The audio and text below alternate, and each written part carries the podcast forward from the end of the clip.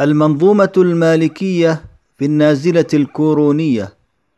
نظم مجموع من مقالات وفتاوى لفضيلة الدكتور العلامة وليد مصطفى شاويش عميد كلية الفقه المالكي في جامعة العلوم الإسلامية العالمية.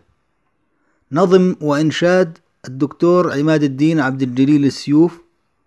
في الثامن من شعبان عام 1441 للهجرة الشريفة الموافق للأول من نيسان عام 2020 للميلاد. الحمد لله مسد النعام ومنشئ الأكوان بعد العدم وصلى على خير الأنام ربنا محمد تاقت له قلوبنا. وهذه منظومة فقهية لنثر أحكام بها مطوية.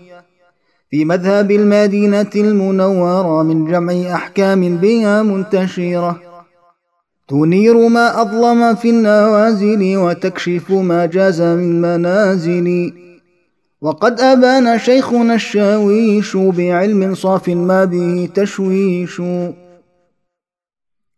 أحكاما تخف وطأ النازلة وتفصل الجدية من الهازلة فكل ما ينزل من جنس العمل عدلا جزاء الغافلين قد نزل.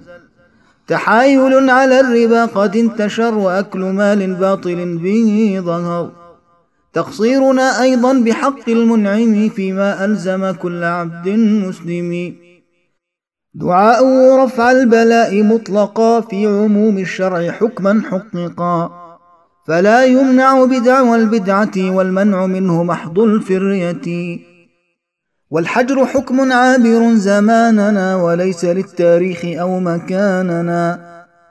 والعجز عن تطبيقنا الشرائع عذر على الأخف لا ذرائع. لكن مع العجز فتلويح ودام وتركه لمن تمكن يلام. ولا تقام جمعة في البيت ظهرا تصلى حاضرا في الوقت. لأن المالكية قد شرطوا وجود مسجد لها وضبطوا. وقد قال المعصوم يا أولي النهى صلوا كما أمامكم صليتها. كذلك الإمام في مسجده له جماعة ولو لوحده. وحكم من يموت بالكورونا شهادة أخرى له يجرونا ومن تعذر أن نغسله ينمه مع كفن وادع له. ولا سقوط في حقوق الميت إلا لعذر كفوات السنة. ويصدق الطبيب في الشهادة ولا يفتش له على زيادة.